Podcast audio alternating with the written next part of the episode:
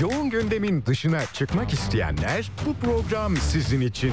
Tiyatrodan sinemaya, seyahat alternatiflerinden modaya, festivallerden konserlere es geçtiğiniz her şey Serhat Sarı Sözen'le gündem dışında.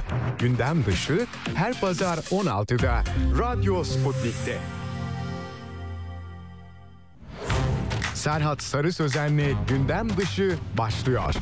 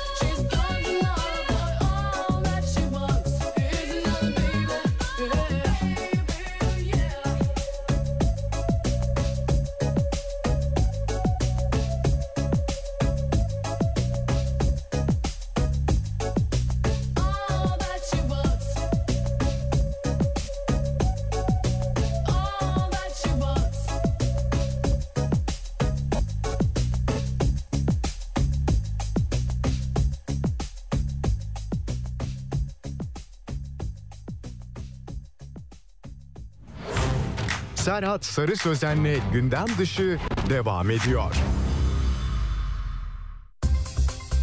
Ve programın ikinci kısmındayız. Haberleri aldık. Yönümüzü edebiyattan başka bir alana çevireceğiz. Spora çevireceğiz. Spora adanmış bir hayat ve mesleğinin zirvesinde bir sporcu şu an bizimle sadece kendisi zirvede çıkma e, bu zirveye çıkan yolu bize anlatmayacak. Aynı zamanda yetiştirdiği gençlerle olan diyaloğuyla birlikte e, ismi ön plana çıktı. Furkan Derbazlar hoş geldiniz. Merhabalar, hoş buldum. E, milli takım antrenörü e, ve Avrupa boks şampiyonu, milli şampiyonumuz e, stüdyomuzda konuk. Bu arada e, Hareketin Felsefesi adlı kitabıyla da aslında hem e, kendisini anlattı, başka sporcuların e, nasıl başardıklarını anlattı. Spor yaparken ve sağlıklı olmak için e, önümüzdeki engellerin neler olduğunu ve nasıl aşılabileceğini anlattı. Yani böyle buram buram e, e, Hareketin Felsefesinden de e, sağlık fışkırıyor.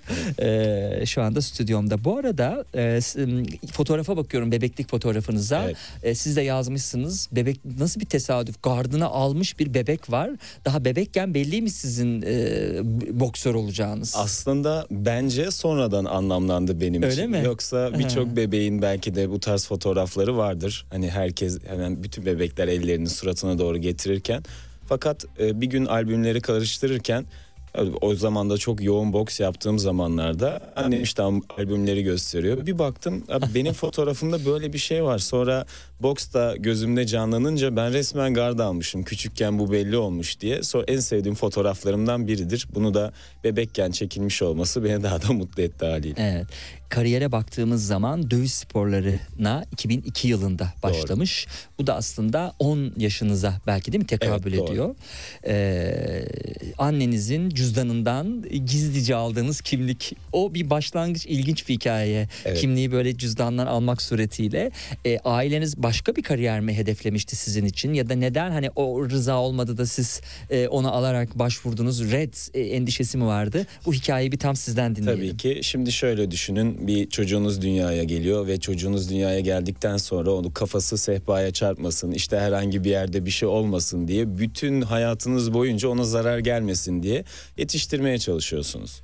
Bu yetiştirme aşamasında çocuğunuz bir gün gelip diyor ki size işte boks yapacağım diyor. Sizin o bütün kaygılarınızı tamamen spora dönüştürecek ve tamamen hayatında olabilecek bir ana merkeze taşımak istiyor. Bu haliyle bir aile için korkunç bir şey. O kadar el bebek, gül bebek büyütmeye çalıştığı çocuğunu, her şeyden sakındığı çocuğunu birden boks sporunun içerisine bırakmak onların gözünde haliyle ciddi bir şekilde bir kaygı oluşturuyor.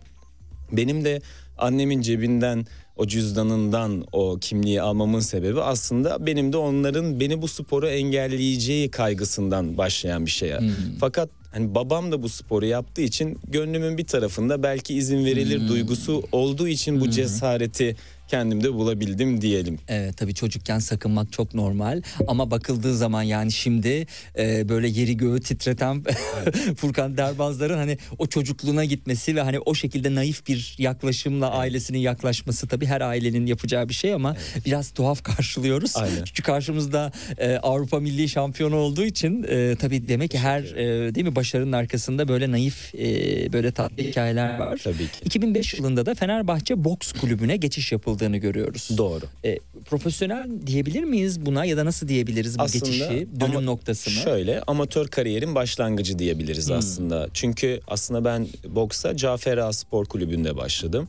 Cafer Ağa Spor Kulübü'nde başlamamın sebebi de o belediyenin bir ücretsiz kursuna kayıt olmaktı. Çünkü annemin cüzdanından o kimliği aldığımda bir ödenek sağlayabilecek de bir param olmadığı için ücretsiz bir kursa kayıt olmam gerekiyordu. O biz yolda yürürken görmüştüm orada ücretsiz belediyenin kursu diye Cafer Ağa'da kimliğimi oraya verdim. Oraya verdikten sonra ben aslında boks kariyerime başladım. Sonra orada her şey güzelleşmeye, benim için iyileşmeye, yeteneğim keşfedilmesine ve benim bu sporda kendi yeteneğimin olduğumu fark etmesiyle birlikte oradaki antrenörüm sayesinde aslında ben Fenerbahçe'ye transfer olma e, başarısında bulundum. Orada da sonra kariyerim yavaş yavaş yavaş yavaş başladı diyebiliriz. E, kariyerin e, ik- kariyerinizin ikinci bir kısmı değil mi esasında ya da bana göre ikinci ama belki beşinci onuncu bilemiyorum size göre dedeniz Almanya'ya giden ilk kuşak. Evet. E, o sebeple ailenizin de önemli bir kısmı Berlin'de. Doğru. Evet. Sizin de dolayısıyla e, Fenerbahçe'ye e, aslında başladıktan 3 sene sonra mıydı Doğru. tarih olarak hatırlayayım. Evet 2008 yılında e, bir Almanya maceranız var. Doğru. 2008-2012 yılları arasında e, boks kariyerine Berliner Boks Kulübü'nde devam ediyorsunuz. aslında o her şeyin başlangıcının Hmm. ikinci evresi diyebiliriz. Çünkü e, o dönem zor bir dönemdi. Çocukluk açısından da zor bir dönemdi. Çünkü sürekli olarak bir git gel yapmak zorundasınız ve hayat kurulmaya çalışıyor. Böyle bir süreçte kendinizi korumanız, yabancı ülkede kendinizi e, özgüveninizi yakalamanız gerekiyor. Bu süreçlerde o kulübe giderken yani çok korkularım vardı. Haliyle başarılı olmuş olduğun, dilini bildiğin bir yerden çıkıp bambaşka bir yere gidiyorsun. Bu süreçteki korkularımı yenmek için tekrardan en güvendiğim, sığındığım liman olan boksa geri dönüş yaparak, boksa gire yani boksa devam ederek kendimi daha iyi hissedeceğim bir alan yaratmaya çalışmıştım kendim için ve bu süreç benim kariyerimin en güzel kısımlarından biri oldu. Çünkü o süreçlerde çok daha farklı insanlarla tanışabilme, çok başarılı insanlarla tanışabilme fırsatı yakaladım. Bu da beni belki de bu ana getiren yerlerden en güzel bölümlerden bir tanesi oldu diyebilirim. Evet. Şimdi Naim Süleymanoğlu'nun hikayesinde de görüyoruz. Ee, Bulgaristan'da e, ki siz de zaten kitabın ilgili kısımlarında ge- a- anlatıyorsunuz e, onu. Ee, Bulgaristan'da farklı bir e, sporcu yetiştirme programı var. Yani okullarıyla vesaire. Daha kurumsal, daha profesyonel. Ee, siz Türkiye'den Almanya'ya gittiğinizde ne gördünüz? Yani oradaki düzen anlamında. Ee, eğer öyle bir geçiş olmasaydı na- nasıl olurdu Furkan Derbazlar'ın e, profesyonel e, sporculuk hayatı? Bence şöyle olurdu. Bu kadar iyi olmayabilirdi. Ama bunu söylememin sebebi hani buradaki sistemin e, kötü veya eksi oluşundan değil, oradaki sistemin çok iyi oluşundan kaynaklı bunu söyleyebilirim. Neden bunu söylüyorum? Çünkü orada aslında boksu yapanlar yine Türkler.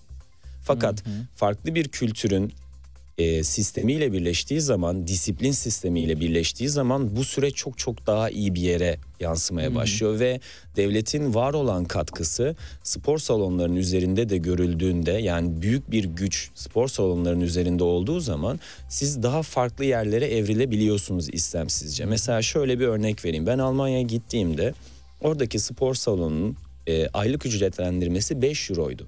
O zaman bile çok uygun, çok basit, komik bir ra- rakamdı. Herkes gelebilsin Tabii diye. ki.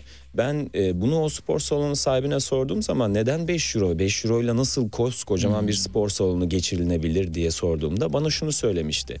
5 euro sembolik bir rakam. Buradaki sadece işte çalışanların, işte temizlik görevlilerinin giderlerini karşılayabilmek için almış olduğumuz bir ra- rakam dedi. Ben de dedim ki üzerine ya peki bu ücretlendirmek, giderler vesaire bunlar nasıl kazanılıyor? Devlet kişi başına bize spora teşvik ettiğimiz için bir bedel ödüyor. Bu bedel sayesinde biz de salonumuzu geçindirip kaygı olmadan sporcu yetiştirebiliyoruz. En büyük sorunumuz da bizim zaten Türkiye'de çocuk olarak bir salona, bir spor salonuna yazıldığınızda genç olarak kaygılarınızın olması ve spor salonu sahiplerinin de bir kaygısı olması haliyle sporla ticaret ikisi bir arada maalesef güzel şekilde ilerlemiyor. Oradaki bir kaygı oluşmaması size daha fazla odaklanılması ve içinizden çıkacak yeteneklerin daha hızlı bir şekilde keşfedilmesine e, e, sahip olduğu yola çıkıyor. Haliyle bu yüzden daha iyi bir eğitim alma yolunda ilerliyorsunuz. Daha iyi şekilde sizinle ilgileniyor. Alakada yükselmiş oluyor. Bunun sebebinden kaynaklı olduğunu düşünüyorum ben. Evet. Bir boks kariyeri var. Bu arada şey söyleyeceğim. Furkan Derbazlar'ın da kendi spor okulu var. Ee, Anadolu yakasında, Doğru. Koz Yatağı'nda ee, değil mi? Ee, neydi adı? DFA Ah, DFA. aslında soyadım Derbazlar Fight Akademi olarak geçiyor. Evet evet Ee, tabii e, bu Almanya'daki sistemin olması da enteresanmış gerçekten böyle bir sistemin olması. Ee, şimdi bakıldığı zaman e, bir e, zincir markalar var Ee, yani pek çok yere yaşama şansı vermeyen ama fitness salonlarından bahsediyorum. Ee, bir de e, kişilerin ismiyle ön plana çıkan merkezler var. Doğru. Furkan Derbazlar'ın kendi merkezi gibi Ee, yani ama ihtiyacı yoktur onun ama hani böyle, bir destek olması da belki değil mi katılımcıların artması anlamında e, fevkalade bir katkı sağlarmış. Sizin iki şapkanız var profesyonel hayatta. Bir milli boksör e, Furkan Derbazlar bir de milli antrenör. Doğru. Hangisini daha çok seviyorsunuz? Bütün bir kariyere bakınca. Sanırım antrenörlük kısmını Öyle daha mi? çok seviyorum. Çünkü milli boksun içerisinde çok daha büyük bir mücadele Hmm. olduğunu düşünüyorum. Yani sonuçta dövüş sporları dışarıdan eğlenceli veya keyifli gibi gözükse de her gün o e, darbelere maruz kalmak zorunda oluşuyor Hmm. olunuz. O sporun sevilen yanlarından bir tanesi bir de sevilmeyen yanlarından bir tanesi. O antrenörken artık o sistemin içerisinden geçip hiçbir zarar görmeden akşam evinize rahat rahat gidip başınızı yastığınıza koyduğunuzda baş ağrısı çekmeden uyuyabildiğiniz için aslında Hmm. daha keyifli oluyor diyebilirim. Hmm. Çünkü diğer türlü işin sporculuk kısmı gerçekten çok zor. Çok büyük konsantrasyon. Adrenalin. Ya peki. adrenalin her şeyi gerektiriyor. O dövüşün içerisinde bulunmak her seferinde sana bir şeyleri sorgulatıyor. Her Hmm. ringe girdiğinde ya neden ben buradayım diyorsun. Yani yine kendimi burnunun içerisine soktum diyorsun ama başarmak zorunda olduğunu bilerek yine dövüşmek zorunda hissediyorsun kendini. Her seferinde bunları yaşamaktansa köşede olup kendi tecrübelerinle karşı tarafa aktarıp o tecrübelerle bir başarı kazandırmak, bir kişinin hayatını hayatını ve hayallerini şekillendirmek bana daha fazla keyif veriyor. Öyle söyleyebilirim. Evet. Bu arada e, ben de zaman zaman e, boks dersleri almış e, o- harika. o- olduğum olmuştu. Yani tabii burada milli boksörün yanında denmez de e, sohbet açmak için söylüyorum. Bazı boks hocaları e, mesela hocalardan bir tanesi şey demişti. E, Bey olmuyor böyle olursa siz çok dayak yersiniz. Demiştim ki ya ben müsabakaya katılmayacağım. Hani ben kardiyo amaçlı yapıyorum bunu. Ama bir de böyle bir şey var yani hani değil mi? Bakıldığı zaman öğrenciler çok yorduğunda oranın da aslında stresi o olabilir. Bir türlü istediğiniz gibi ayakları çevirmiyorsa o eller yüze yakın durmuyorsa e, e, hocalar da deliye dönebiliyorlar yani karşılarındaki Doğru. e, muhatapları anlamında. E, çünkü artık siz aşmışsınız ve dünyanın çok önemli isimleriyle karşılaşmışsınız. Karşınıza elini nereye koyacağını bilemeyen, ayağını istediğiniz gibi döndürmeyen biri çıkınca da o başka baş ağrılarına da sebep olur mu bilmiyorum. Yani bazı insanlarda yani o da hani genetik faktörlerden kaynaklı hiç yatkınlığı olmayan insanlarda belki o kadar e, sıkıntı çıkartabilir ama genel olarak kişinin ne istediğini biliyorsanız siz de kendi psikolojisini ona göre ayarlamanız sizin için daha sağlıklı oluyor. Evet, antrenör olarak aldığım talep doğrultusunda vaktimi ve enerjimi tamamen hobi amaçlı ya da musabık olarak eğitim almak isteyen bireylere yönlendirerek başlayan macera milli takım antrenörü ve uluslararası antrenör olmamın yanı sıra beni Türkiye'nin en iyi standartlarında eğitim veren bir dövüş kulübü markası haline getirdi diye e, sürdürecek. Bu teklifle başlayalım. Nereden e, geldi? Var mıydı aklınızda hep boks yaparken de günün birinde ya da sağlık sorunları mı tetikledi? E, talep mi tetikledi böyle bir yol izlemeyi? Yoksa baştan beri zaten biraz bunu yapıp sonra olurum düşüncesi mi vardı? Aslında tamamen şöyle kitabın biraz önceki cümlesinde de belirttiğim gibi aslında bir İyileşme, sağlık evet. sorunu. Yani bu sağlık sorunun olmasının sebebi de hangi sporu yapıyor olursanız olun herhangi bir sporda bu masa tenisi de olabilir fark etmez. Profesyonel şekilde baktığınızda veya profesyonel antrenmanlar yapmaya başladığınızda artık bir şekilde vücudun sınırlarını zorladığınız için haliyle sağlık problemleri ortaya çıkmaya başlıyor. Benim de antrenörlüğe geçiş sürecim aslında omuz sakatlığımdan sonra başladı. Bu omuz sakatlığından önce çok güzel bir şekilde ilerliyordum. Kariyerim harika bir şekilde gidiyordu. Fakat e, bir antrenman maçında omzumun boşa gitmesiyle omzum çıktı. Bağları kopardım. Ön çapraz bağlarım ve hepsi koltuk altımdan giden labrum yırtığı dediğimiz yırtıklar oluştu. Bu süreç aslında tedavi edilebilir bir süreçti. Toparlanılabilir bir süreçti. Ameliyat olmam gerekiyordu. Ameliyat olmak istediğimde o zamanlarda e, Volkan Demirel'in omuz sakatlığı meşhurdu. Belki hatırlarsınız. Onun doktoruna başvurmuştum ben de aynı şekilde. Herkes bana çünkü ameliyat diyordu. Bu ameliyat süreçlerinde doktora başvurduğumda o da dedi ki "Her- bütün doktorlar size ameliyat der ama biz bir bakalım birlikte dediler. Daha sonrasında MR çektirdim. Geri döndüğümde tekrardan doktor bana dedi ki ameliyat olmak zorundasın. Çünkü başka bir kurtuluşun yok.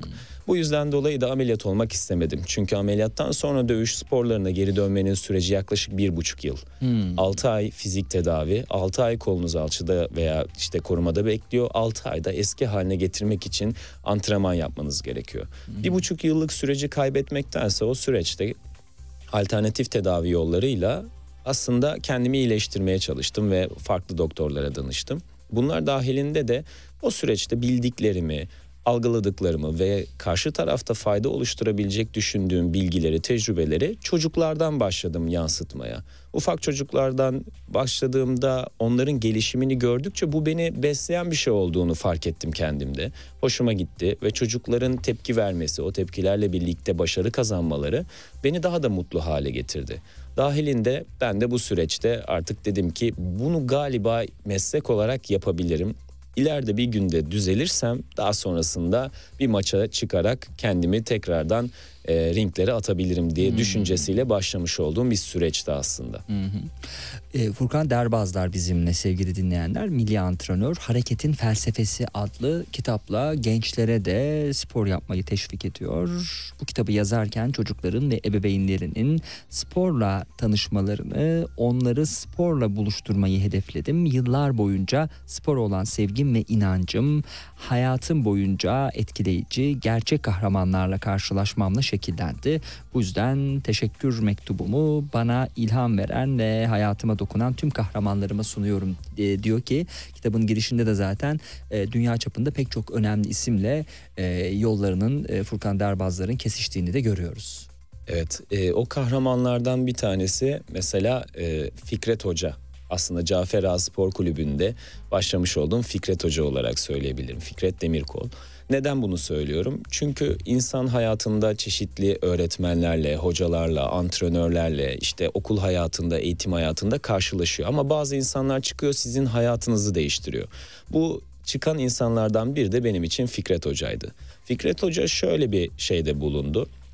Ee, ben Cafer Ağa Spor Kulübü'nde başladığımda o süreçte dedi ki eğer ki e, biraz daha başarılı olmak istiyorsan benim söylediklerimi yerine getirmen gerekiyor dedi. O süreçlerde de ben onun söylediğini dinlemeye devam ettim ve ben belirli bir seviyeye geldikten sonra Fikret Hoca seni Fenerbahçe'ye transfer etmemiz gerekiyor. Çünkü artık benim sana verebileceğim teknik bilgi veya salonumuzun verebileceği teknik bilgi, ayrıyetten antrenman programları veya seni çıkartabileceğim maç programları yeterli seviyeye ulaştı. Bu yeterli seviyeye ulaştı ve ben seni kendimle birlikte başarılı olabilirsin diye sürüklemek istemiyorum. Bu süreçlerde de sürüklememek adına beni Fenerbahçe kulübündeki antrenörlerle tanıştırdı ve beni oraya yönlendirdi. Aslında neden ona kahraman diyorum? Çünkü bu süreçte kendi benim üzerimden faydalanmak isteyebilirdi. Benim başarımla birlikte bir yerlere gelmek isteyebilirdi. Ama var olan kapasitenin, elindeki yeteneklerin, elindeki e, sistemin farkında olduğu için beni başka bir yere yönlendirerek orada daha ilerlememi sağladı. Bu da benim için yapmış olduğu en büyük şanstan bir tanesiydi. En büyük iyiliklerden bir tanesiydi. Yani bir kişinin bencilce davranmayıp o kişiyi daha iyi olabileceği bir yere yönlendirmesi benim için çok e, kariyerimin ana noktalarından bir tanesiydi diyebiliriz. Peki hayatınız boyunca bu tarz e, şansın hep böyle sizden yana gittiğiyle ilgili bir şey var mı? E, Fazlasıyla. öyle mi? Hmm. Fazlasıyla hatta kitabın içerisinde de bir hikaye var. Hmm. Aslında kitabın adını da önce öyle düşünmüştüm ama sonra e, bakınca e, bir anlam uyandırmayabilir diye kitabın adını farklı şekilde değerlendirdik.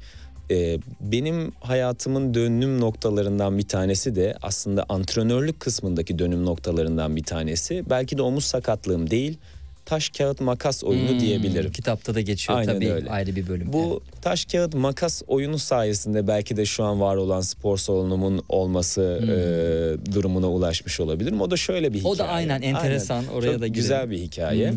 O hikayede şöyle benim oturmuş olduğum yer Sahra Cedid'de oturuyorduk o süreçte. Bir de Göktuğ diye çok yakın bir arkadaşım var. Hala devam ediyor arkadaşlığımız vardı diyecektim az kalsın. ee, Göktuğ'la birlikte biz spor yani fitness yapmaya karar verdik ekstra olarak. O profesyonel futbol oynuyordu. Ben de profesyonel boks yapıyordum ama dedik ki ekstra olarak bir de fitness yapalım. Çünkü e, atıyorum otobüse biniyorsun, taksiye biniyorsun, bir yere biniyorsun. Diyorsun ki sporcuyum, boksörüm. Herkes şöyle kafasını çevirip bakıyor. Şimdi zayıftık çünkü o süreçlerde 65 kilo, 60 kilo dövüşüyordum. Bakıp çeviriyordu. Bu beni çok rahatsız ediyordu. Abi böyle boksör mü olur bakışı yapıyorlardı. Çünkü insanların kafasında canlandırdığı şey kocaman dev adamlar boksör denildiği zaman. Çünkü televizyonda en çok onların maçlarını izlediği için. O yüzden dedim ki biraz hacim almamız gerekiyor. Göktuğ'yla birlikte dedik ki spor salonuna yazılalım. Burada e, fitness ve hacim yapalım diye düşündük. Benim evime yakın olan bir spor salonu vardı. Bir de onun evine yakın olan bir spor salonu vardı. Bu süreçte ben dedim ki benim evime yakın olana gidelim. O da dedi ki haliyle kendi evime yakın olana gidelim. Sonra biz ikisini de gezdik. Çıktıktan sonra dedik ki yani herkes kendi istediği kendine yakın olan yere gitmek istiyor. Haliyle bunu seçmek için bir şey yapmamız lazım. Biz de Göktuğ'la her seferinde bu tarz ikilemlerde kaldığımızda taş kağıt makas oyunu oynarız. Taş kağıt makas oyunu oynadık. Ben kazandım. Genel olarak da ben kazandığım için benim için daha avantajlı bir oyundu Hmm. aslında. Tabii bu bir şans oyunu. O an birbirini deniyorsun veya işte aklına ne gelirse onu yapıyorsun. Bu oyunu kazandığım için benim evime yakın olan spor salonuna gittik. O süreçte tam benim omuz sakatlığımın olduğu, antrenörlüğe evrilmiş olduğum sürecin tam devamıydı. Ve o salonda antrenman yapmaya başladıkça, çalışmaya başladıkça diğer hocalarla, an- e, salonun sahipleriyle iletişim halinde kalmaya başladık. Ve iletişimimiz gittikçe arttı. Ve boksör olduğum, işte bu sporla ilgilendiğim de salon tarafından bilinmeye başladı. Daha sonrasında e, yakınlaştıkça salon sahipleriyle neden burada boks dersi vermiyorsun sorusu geldi benim tarafıma. Ben de bunu düşündüm ve bunu yapabileceğimi düşündüm. Daha sonrasında çevreme ufak ufak boks dersi verebileceğimi yansıtmaya başladım. Kendimi yani bir sporcu, dövüşçü, aktif dövüşçü kısmından çıkartıp aslında bir antrenör olarak tanıtmaya başladım. Ve benim için antrenörlük sürecinin ana temel taşlarından biri o taş kağıt makası e, oyununu kazanmamla başladı. Evet. Hani niye bu kadar şans benim için önemliydi? Çünkü e, Göktuğ'un evine yakın olan spor salonu yıkılmıştı 6 ay sonra, bir sene sonra. Ve demek ki o salonu seçseydik, yani ben o oyunu kaybedip o salona gitseydik büyük ihtimalle kariyerim bu şekilde şekillenmeyecek olacaktı. Evet. Yani oyunu kazanmam belki Göktuğ'a kaybettirdi ama bana çok büyük bir hayat kazandırdı. Ee, o kadar samimi bir arkadaşsa Göktuğ'a da kazandırmıştır o halde. Evet değil mi? sonra birlikte çalışmaya başladık yeni açtığımız spor salonunda. Evet. Ee, diyor ki Furkan Derbazlar hayatımıza hareket katmak yalnızca sağlığımız için değil özgüvenimiz için de önemli. Üstelik bu kattığımız hareket bize ummadığımız kapılar açabilir. Yaşamımızı geri dönülmez şekilde değiştirebilir. Dünyaca ünlü sporcuların e, yaşam öykülerinde bunun örneklerine sıkça rastlarız. Bu hikayelerin derinine indiğimizde ise yaşamın içindeki gerçek kahramanların farkına varırız. Bu gerçek kahramanların sadece bireysel başarıya ulaşmaya değil, başkalarına yardım etmeye ve dünyayı daha iyi bir yer haline getirmeye de çabaladığını görürüz. Ee, hareketin felsefesinde işte bu kahramanların gerçek hikayelerini anlatıyor Furkan e, Hoca ve e, mesela dünya halter şampiyonu Naim Süleymanoğlu'nun üniversitede halter dersinden kaldığını Evet. e, biliyor muydunuz? Ya da Muhammed Ali'nin boksa çalınan bisikleti yüzünden tanıştığı bir polis memuru sayesinde başladığını, çetelerin yetiştirdiği bir suç makinesi olan Mike Tyson'ın boksa başlamadan önce sabıka kaydının sayfalarca uzunlukta Evet. olduğunu biliyor muydunuz diye e, sürdürdüğü sadece otobiyografik özellikler taşıyan e, değil aynı zamanda e, bu bilinen hani boks konusunda bilinen e, ya da işte Naim Süleymanoğlu gibi bilinen e, sporcuların ilginç öykülerine de yer veriyor. E, milli takımlar antrenörü e, Furkan Derbazlar. Peki şimdi kitabın içinden e, böyle bir bakalım. E, aldığım notlar kapsamında sayfa 10 al 15 başlıktaki yazı demişim.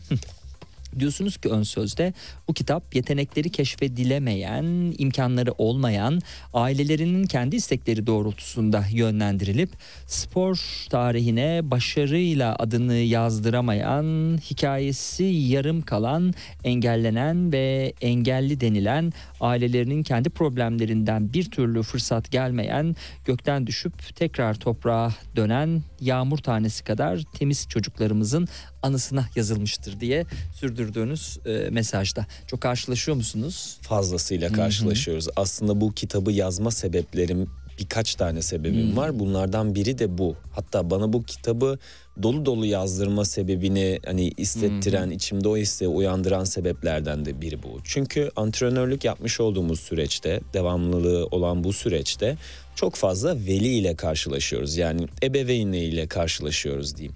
Benim belki şu an burada sizinle bu röportajı yapabiliyor olmamın sebebi aslında spor ve benim ailem de diyebiliriz. Çünkü ailem beni bu süreçte engelleseydi veya benim yoluma herhangi problemler çıkartsaydı haliyle ben şu an burada olmuyor olacaktım. En basit örneklerden bir tanesi. Ne yapardınız sizce? Alternatif olarak hiç düşündünüz mü? Düşündüm. Yani kafamda çocukken istediğim birkaç meslek vardı Hmm. meslek dalı olarak. Yine bu spora yakın belki de sert meslekler diye düşünebiliriz. Hmm. Asker olmak isterdim. Çünkü disiplin benim sevdiğim bir şey. Hmm. Ya da polis olmak isterdim. Ama askere gittikten sonra biraz fikirlerim değişti Hmm. asker olmak konusunda. Oradaki hiyerarşi sistemine çok uygun olamayacağımı Hmm. düşündüm. Ee, biraz daha kendime uygun şekilde hareket etmem gerektiğini düşündüm. O yüzden e, onlar benim alternatif yönlerim olabilirdi ama hiçbir zaman kurumsal bir şekilde çalışmayı düşünmedim. Fakat çok çalıştım harçlık kazanmam gereken dönemlerde. Hepsinden biraz biraz biliyor olmam ve çalışıyor olmam da belki de benim bu konuda başarılı olmamı da destekleyen yönlerden, motivasyonumu ve işte tempomu arttıran yönlerden biri oldu. Çünkü ne yapmak istemediğimi öğrendim hayatta. Ne yapmak istediğimi de öyle buldum diyebiliriz. Diğer e, karşılaştığımız kısımlara geldiğimizde de o süreçlerde şöyle. Şimdi bize çok yetenekli çocuklar geliyor. Atıyorum çok yeteneksiz çocuklar da geliyor. Sadece yetenekli olması değil. 10 tane çocuk, 5 tane çocuk, 3 arkadaş geliyor mesela. Biriyle hepsine aynı anda aynı şeyi anlatıyorsunuz. Biri sizi duymamış gibi, diğeri sizi görmemiş gibi, bir sonraki sanki bunun için yaratılmış gibi. Aslında aynı eğitimi aynı anda aynı kalitede veriyorsunuz. Fakat biri diğerlerinden biraz daha fazla ön plana çıkmaya başlıyor.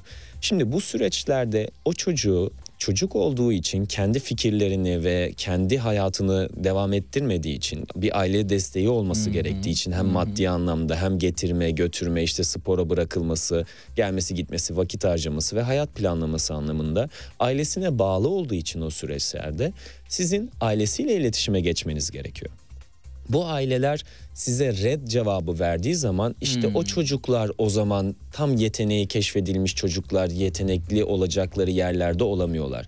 Belki de o çocuklardan bir tanesi şu an belki ülkemizde işte milli gururumuzu sağlayacak çocuklardan bir tanesi olacaktı. Fakat ailesinin kendi istekleri doğrultusunda kendi yapamadıklarını çocuklarına yapmaları için direttiği istekler doğrultusunda e, çok fazla baskıda bulundukları için o çocuklar günümüze bir sporcu olarak, milli sporcu olarak veya yetenek abidesi sporcular olarak gelmiyorlar maalesef.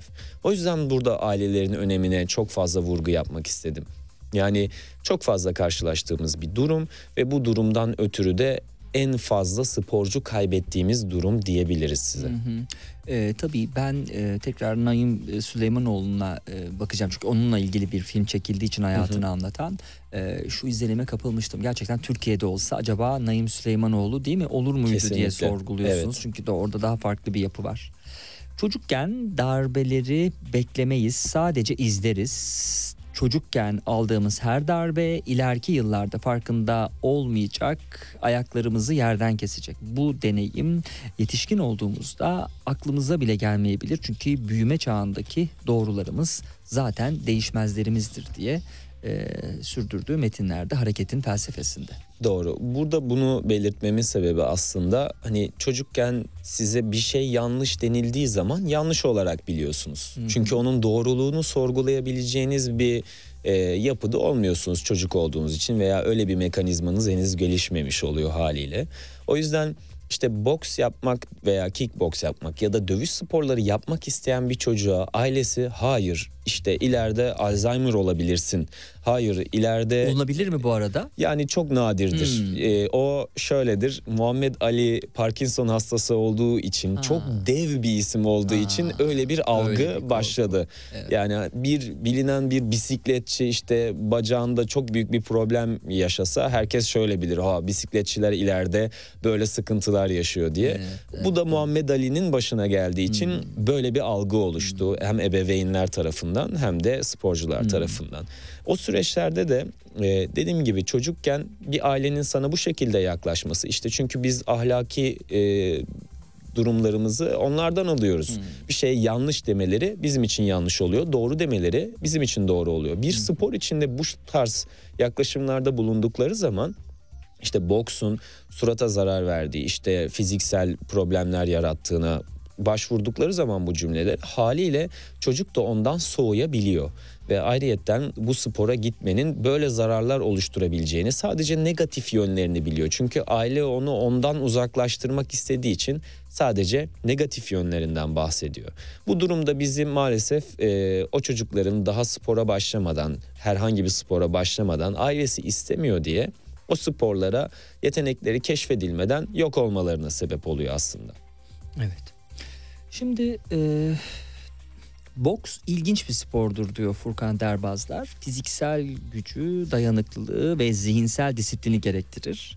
Hobi olarak yaptığınızda dünyanın en güzel sporu, profesyonel olarak yaptığınızda dünyanın en zor sporu olarak tanımlanır. E, tam profesyonel bir boks maçı 3 dakikalık roundlardan oluşur. Maçlar 12 round üzerinde toplamda 36 dakika sürebilir ama sadece fiziksel yeterlilik başarılı olmanızı sağlamaz. Zihinsel dayanıklılık da gerektirir.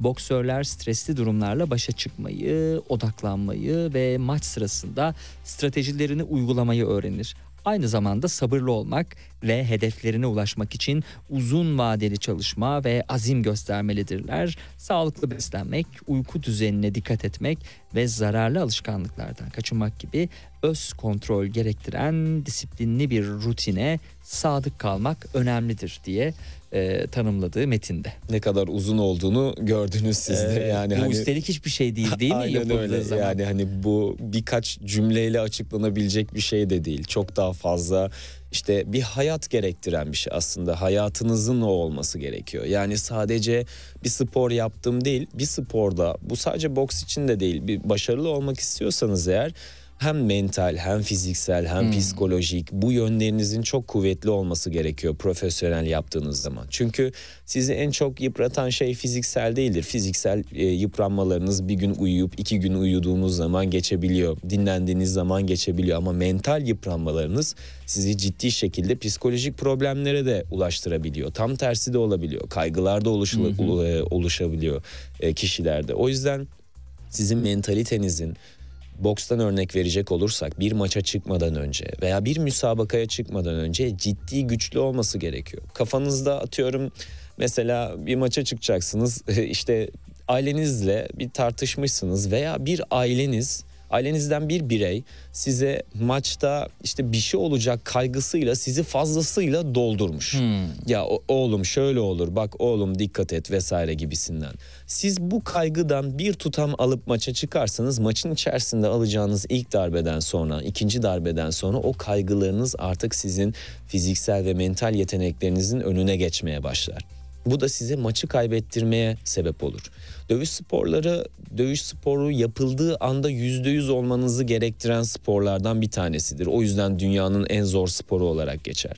Yani ne demek istiyorum şu. Sol burnunuzdaki sol tarafın tıkalı olması bile maç kaybınıza sebep olabilir. Çünkü karşınızdakinin iki burun deliği de açık. Çok basit bir örnek veriyorum. O bile, Ya, o o bile. bile size yani bu kadar değişkenin olduğu ve bu kadar dış etkenlere maruz kaldığınız bir ortamda atıyorum e, boğazınızın ağrıması veya seyircilerden birine bir anlık gözünüzün dalması ve takılması, bir konsantrasyon kaybı, bir e, fokuslanmada bir problem yaşadığınız anda o bir saniyelik yumruk 11 round boyunca inşa ettiğiniz galibiyeti bir saniye içerisinde sizin elinizden alabilir. Ee, seyircilere tabii göz kayma derken e, ringe nasıl çıkıyorsunuz böyle değil mi?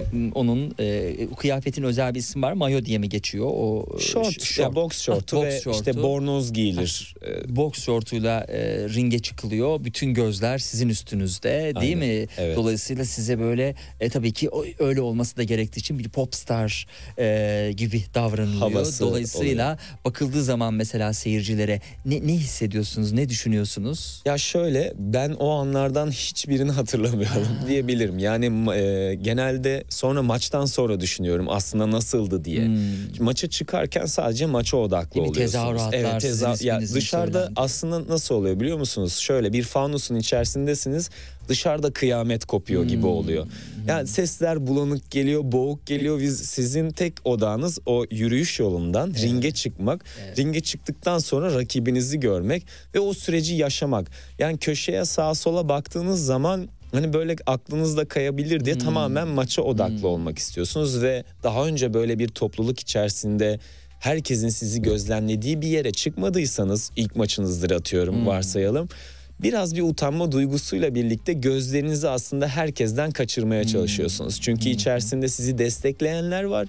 Desteklemeyenler de var. Desteklemeyenlerden birine denk gelirseniz o sizin için kötü olabilir. Onun için daha kötü olur Aynen. bence. o da olabilir. Ama işte resmi bir müsabaka olduğu için siz orada yani en kötü negatif enerjiden aslında bir tutam bile olsa almak istemiyorum deyip böyle işinize odaklanayım diyerek etrafa bakmak pek istemiyorsunuz. O genelde maç bittikten sonra eğer galibiyetle biten bir maçsa o zaman işte o anın keyfini çıkartmaya başlıyorsunuz. Etrafa bakmaya başlıyorsunuz. Evet, bütün stres gitmiş oluyor. Peki hani onun için daha kötü olur e, dedim. O noktadan bir şey sormak istiyorum. Buyurun. E, siz tabii profesyonel olduğunuz için e, yani dışarıdan bir kişiyle karşılaştığınızda onun değil mi ayakta kalma şansı yok. O şekilde kendinizi durdurmak durumunda hissettiğiniz ya durduramadığınız haliyle çünkü bin bir türlü de insan var. Anlar oldu mu? Yani siz o gücünüzü ve o e, profesyonelliğinizi e, kullandınız mı? Bu arada kimi sporcular e, dövüş sporlarıyla uğraşanlar kullanmamaları gerektiğini söylüyor. Ben aynı fikirde değilim. E, çünkü diyelim ki bir hukukçu e, kendisinin de içinde olduğu bir durumla karşılaşınca öyle. kullanmayacak mı yani o işte hukukçu olduğunu yahut bir doktor ilk yardım yapmayacak mı ya da onu kullanmayacak mı? Dolayısıyla bu da kullanılabilir. Ne dersiniz bu bağlamda ele aldığımızda? En son cümlede söylediğinize kesinlikle katılıyorum. E, Fakat e, kullanılmaması yönündeyim. Çünkü e, kullanıldığı zaman sağlıklı durumlar oluşturmayan, yani olumsuz durumlar oluşturan bir süreç başlıyor o süreçten sonra. Fakat e, şunu söyleyebilirim. Ben kendim açımdan kullanmamak için elimden gelen her şeyi yaptım ve hayatımda sadece bunu bir kere kullandım diyebilirim. Ve aslında insanların bakış açısı şöyle oluşuyor. Dövüşçü e, daha agresif olur, sinirli olur. Bilmiyorum siz beni nasıl şu an ilk gördüğünüzde tanımladınız ama Şahane hiç e, ondan eser yok. Daha Kim aksine, ne yaparsa yapsın hiçbir şey yapmayacakmışsınız izlenim Teşekkür alıyorum. ederim. Aksine işte daha sakinleştiren. Çünkü niye? İçinizdeki o öfkeyi, stresi hepimizde olan bir şey bu. Bu sadece dövüşçülere özgü bir şey değil. Çünkü trafiğe çıkıyorsun bir saat normal dünyanın en sakin insanında bile bir sıkıntı, stres ve öfke oluşabiliyor. Biz bunları dövüş sporuyla ulaş- uğraştığımız için hiç gerçek anlama taşımadan siniri ve öfkeyi atabiliyoruz. Yani bizim öfke şarj depolarımız bomboş. Yani o birikmişlik bomboş. O- Yani diğer insanlar öfkesini atlatacak, patlatacak yer arıyorlar genelde. Bizde böyle bir durum yok. Bizim sinirlenme sürecimiz daha e, uzun ve meşakkatli bir yol. Uyarı cümleniz nedir? Ve geri dönülmez bir yol herhalde o. Ya- Ona ulaştıktan sonra. Evet, uyarı cümle şudur. Ya benim birini uyarmam mı Evet yoksa evet sizin uyarı cümleniz yani artık bir adım kaldı artık o doldu o şarj O sonuna doldu. kadar geldi karşıdaki kişi de kaşınıyor gerçekten o uyarı cümlesi nedir? uyarı cümlesi kendimin hangi meslekle ilgilendiğini Ha. söylemek oluyor genelde. Yani bir mesela bak, canlandırabilir miyiz? Çok Tabii. üstünüze geldi mesela. Bir Tabii. Sabırla sabırla beklediniz ama artık yumruk geliyor. Tamam. O son uyarı cümlesi nedir? Güzel kardeşim bak benim mesleğim bu. Senin için heyecan olarak olan bir şeyi ben her gün ringin içerisinde yapıyorum. O yüzden lütfen bu işi devam ettirmeyelim. Benim için bu kadar yeterli programı bitirebilirim bu cümle sonrasında. Kitapta e, hareketin felsefesinde birinci bölümde mesela iletişim kabiliyeti var değil mi? Evet. O çok önemli. Siz de onun üstünde epey e, durmuşsunuz. Bu iletişim kabil- kabiliyetine sözü getirdiğimiz zaman Şu- neler söylüyorsunuz? Şunu söyleyebilirim. Ee, belki de yani yine aynı şeyi söyleyeceğim belki ama benim burada olmamı sağlayan şey de bu. Çünkü orada şu cümleyi kullanmayı ben çok seviyorum. Ebeveynlerle de konuşurken veya sporcularımlarla da konuşurken. Dünyanın en başarılı sporcusu olabilirsiniz. Ee, çok büyük başarılara imza atıp çok güzel fotoğraflarınız, çok güzel paralar da kazanıyor olabilirsiniz. Fakat sizi dışarıdaki insanlara anlatabilen, aktarabilen, diğer insanlara karşı bildiklerinizi, edindiğiniz tecrübeleri aktarabilen sizin kupalarınız, madalyalarınız veya fotoğraflarınız olmayacak. İnsanlar kupalarınızın, madalyalarınızın, fotoğraflarınızın karşısına geçtiğinde sizinle ilgili kafalarında başarılı bir sporcu e, resmi canlandırıyor. Fakat sizinle görüştüğünde, sizinle karşı karşıya geldiğinde sizin iletişim kabiliyetiniz bunu tamamlayabiliyor olması çok önemli. Eğer ki kupalar, madalyalar varken siz karşınızdaki insanla bu bilgilerinizi, tecrübelerinizi aktaramayacak bir iletişim problemi yaşıyorsanız o zaman sizin var olan kupalarınız, madalyalarınızın sadece kendinize faydası var. Yani topluma faydalı, topluma faydalı bireyler üretebilecek bir insandan çıkmış oluyorsunuz. Çünkü o bildiklerinizi güzel bir dille aktaramıyorsunuz. Bu da oluştuğu için haliyle iletişim sizin bildiklerinizi karşınıza aktarmanızla ilgili olan en önemli yollardan bir tanesi. Çok ince bir köprü olduğunu düşünüyorum. Aslında boks daha bireysel bir spor gibi geliyor ama burada da takım ruhu e, vurgusu olduğunu görüyoruz. Nitekim takım ruhu parayla satın alınamaz. Takım ruhu kişilerin egolarını ikinci plan atıp takımının başarısı için mücadele etmesiyle elde edilir. Takım üyelerinin aynı zamanda hem birey hem de takımlarıyla tek vücut olmalarını gerektirir diye sürdürdüğü e, yazısında met, metninde e, Furkan Derbazlar. Evet yani takım ruhu şöyle. Şimdi bireysel olan sporlarda yapmış olduğunuz bir hata tamamen siz karşılıyorsunuz. Yani bir futbol maçı düşünün 11 tane futbolcu var. İçlerinden biri Cristiano Ronaldo, diğeri işte herhangi bir takımdan yeni transfer olmuş biri. Ve gelecek vadeden bir sporcu olduğunu düşün. Ama gelecek vadeden o sporcu o gün çok kötü oynayabilir. Fakat o takımda Ronaldo olduğu için o takımı Ronaldo tek başına kendi öz yetenekleriyle tamamen üst e, kısma taşıyabilir ve o maçı kazandırabilir. Boks gibi bireysel sporlarda bu yok. Tamamen tek başınasınız. Tek başınasınız. Ama sizin köşede sizi destekleyen bir antrenörünüz var. Ve ayrıyetten sizin kaygılarınızın farkında olan bir antrenörünüz var. Bu takım ruhu aslında burada oluşması gereken bir kategori. Yani takım ruhu burada antrenörünüzle sizin aslında ringe birlikte çıktığınızı ve ayrıyetten de ailenizin de size bu konuda destek olduğunu, çevrenizdeki insanların da bu yapacağınız müsabaka ile ilgili hem fikir olup sizin aynı nokta birleştirdiğiniz, aynı noktada birleştirdiğini hissettirirse size psikolojik ve mental olarak işte o zaman başarılı olma yolunda daha fazla adımlar atabiliyorsunuz. Yani arka plan tek başına bakıldığında bir kişi olarak gözükseniz de arka planda bir takıma ihtiyaç her zaman duyuyorsunuz. Çünkü hepimizin mental, fiziksel e, artık yıprandığı dönemler oluşuyor. Burada işte devreye giren en büyük bokstaki takım aileniz ve antrenörünüz olmuş oluyor. Onların da sizin yanınızda destekleyici olmayışları sizi zaten çok fazla ileriye taşımıyor maalesef. E, tabii başarı için takım ruhu şart, çalışmak şart ama e, dinlenmenin de önemine değinilmiş. Kesinlikle. Vücudun en iyi dinlendiği aktivitelerin başında da zaten uyku geliyor diye e, yazdığı metinde. Şimdi ilginç sorulara cevaplar da var. E, bunlardan bir tanesi de sporu bırakınca sarkıyor mu sarkmıyor mu sorusuna cevap. Buna değinelim. E, tabii bakıyorlar. E, genelde bu sarkıyor şeyini çıkartanlar e, kıskanç hemcinsler.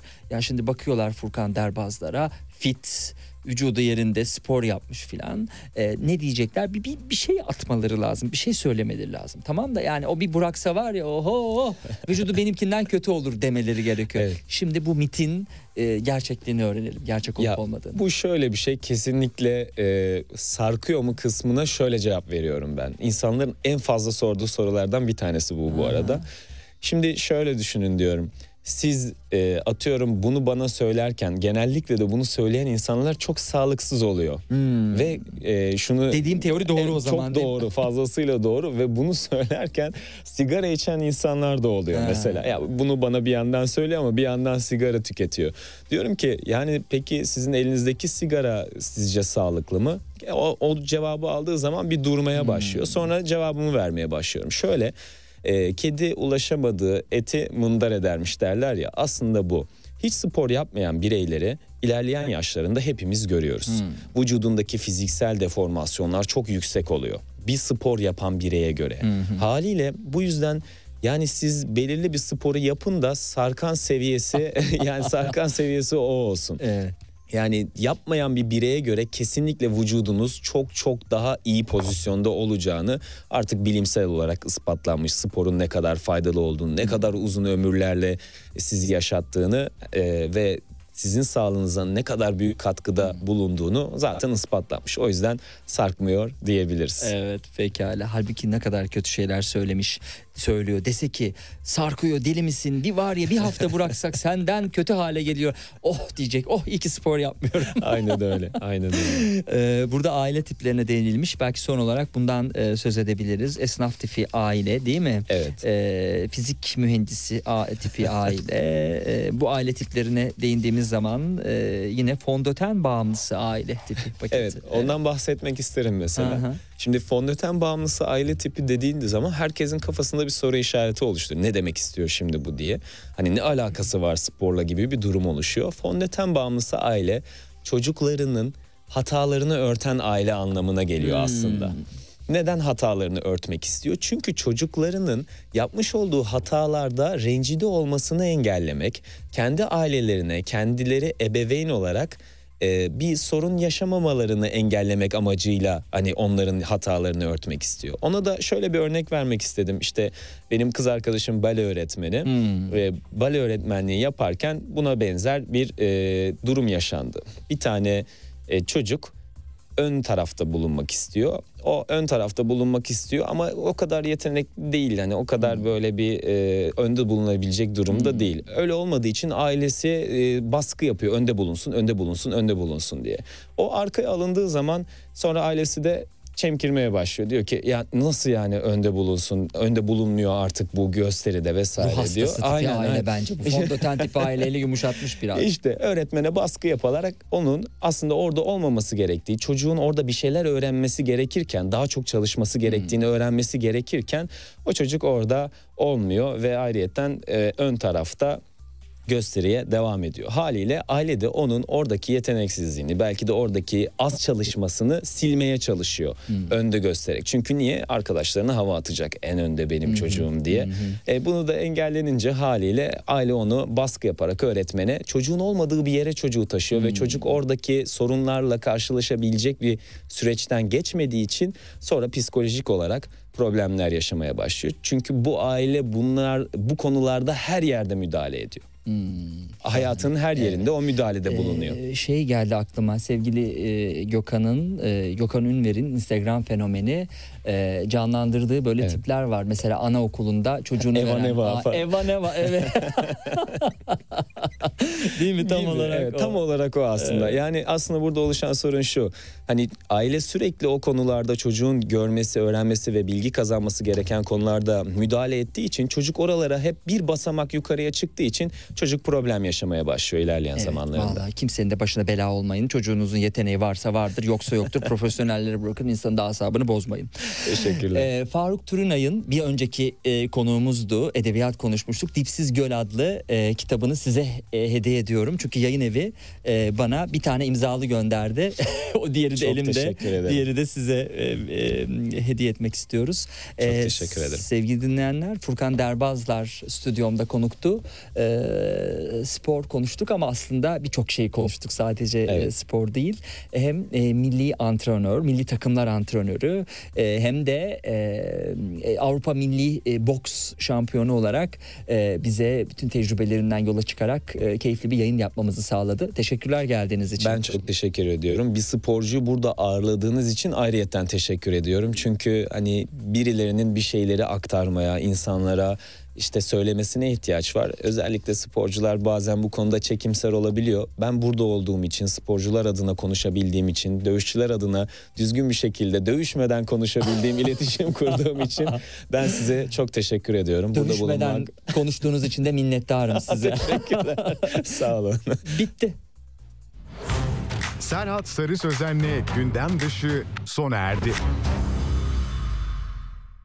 Yoğun gündemin dışına çıkmak isteyenler bu program sizin için. Tiyatrodan sinemaya, seyahat alternatiflerinden modaya, festivallerden konserlere es geçtiğiniz her şey Serhat Sarı Sözen'le gündem dışında. Gündem dışı her pazar 16'da Radyo Sputnik'te.